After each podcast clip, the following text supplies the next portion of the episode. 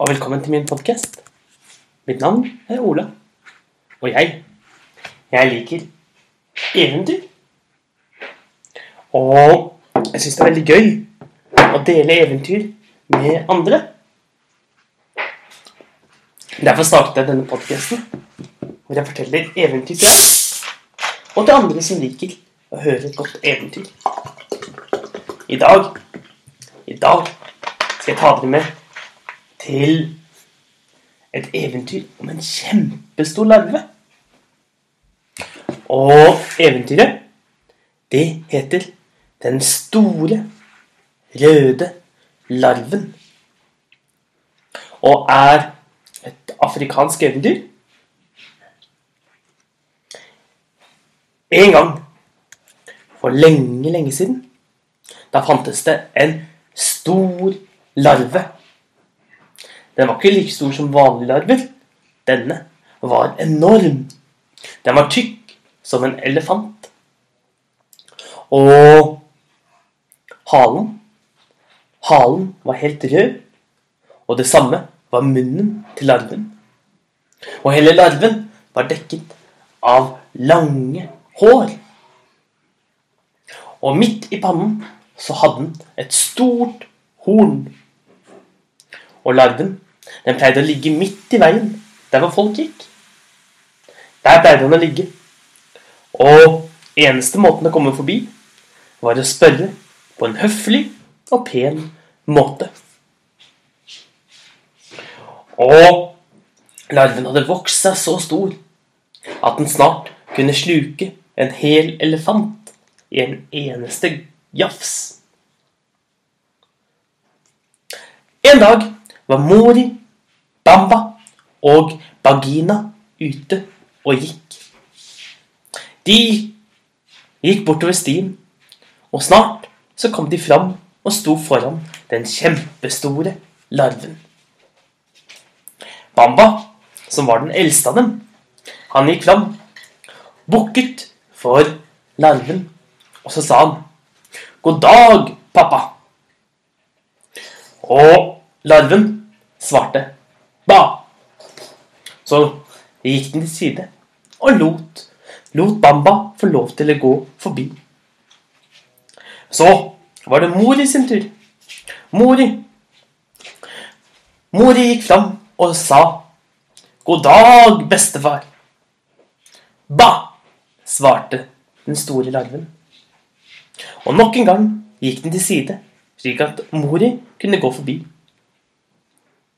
Men det siste, det var Bagina. Og Bagina var ikke like veloppdratt som de to andre.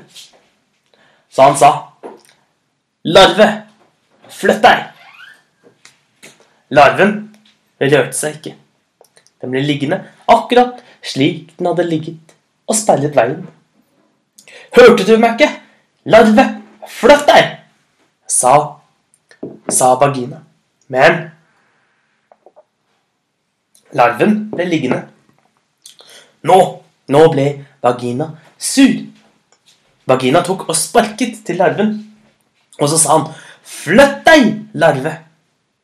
Da åpnet larven munnen i en eneste stor jafs og spiste opp stakkars lille Bagina. Og Mori og Bamba, de var fortvilet. De så på at vennen ble spist av den store larven i en eneste gulp. Så løp de tilbake til byen og fortalte fedrene sine om hva som hadde skjedd. Snart var alle mennene samlet. De bestemte seg for å gå på jakt etter den store larven. De fant fram våpnene sine. Og snart gikk, marsjerte de ut av byen. Alle sammen etter hverandre. Noen hadde med seg spyd, noen hadde pil og bue. Noen hadde stokker, andre sverd og kniver. Og med ett så fikk de øye på den kjempestore larven. Og den var gigantisk. Den var mye større enn noen larver de noen gang hadde sett før. Og da, da ble mennene så redde at de løp hjem til byen. Og moren til Bagina kom inn og spurte hvor, eh, hvor Bagina var. Og det er nok ikke noe håp, svarer mennene. Larven har spist henne. Og larven, den er kjempestor. Um, vi tør ikke å gå nærmere larven. Da, da begynte mammaen til Bagina å gråte. Men, men snart, snart kom den eldste konen i byen bort, og så sa hun Jeg er ikke redd for noen eh, larve. Kom, la oss få med oss alle damene i byen, så går vi og jakter på den store larven. Og alle, alle konene i byen tok med seg det de hadde. Noen hadde lange stokker. Andre hadde hakker som de brukte til å hakke jord med. Og kniver som de brukte til å skrelle, skrelle poteter og jam med.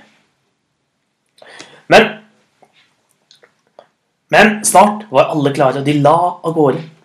Ut av byen. De gikk hele dagen.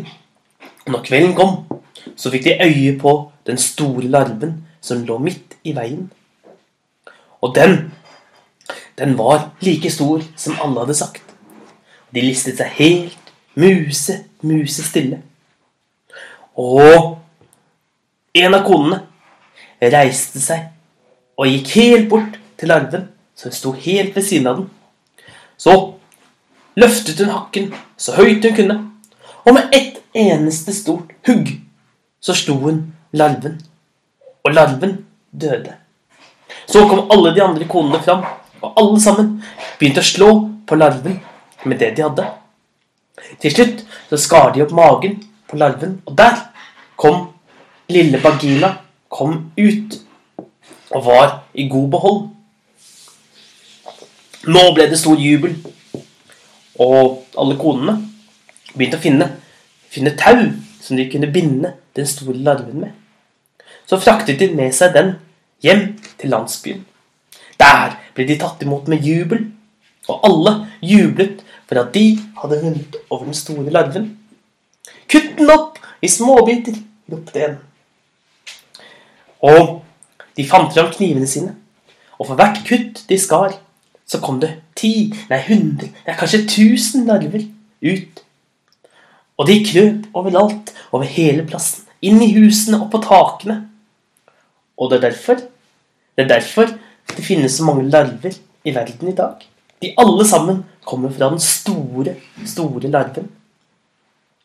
Det, det var fortellingen om den store larven.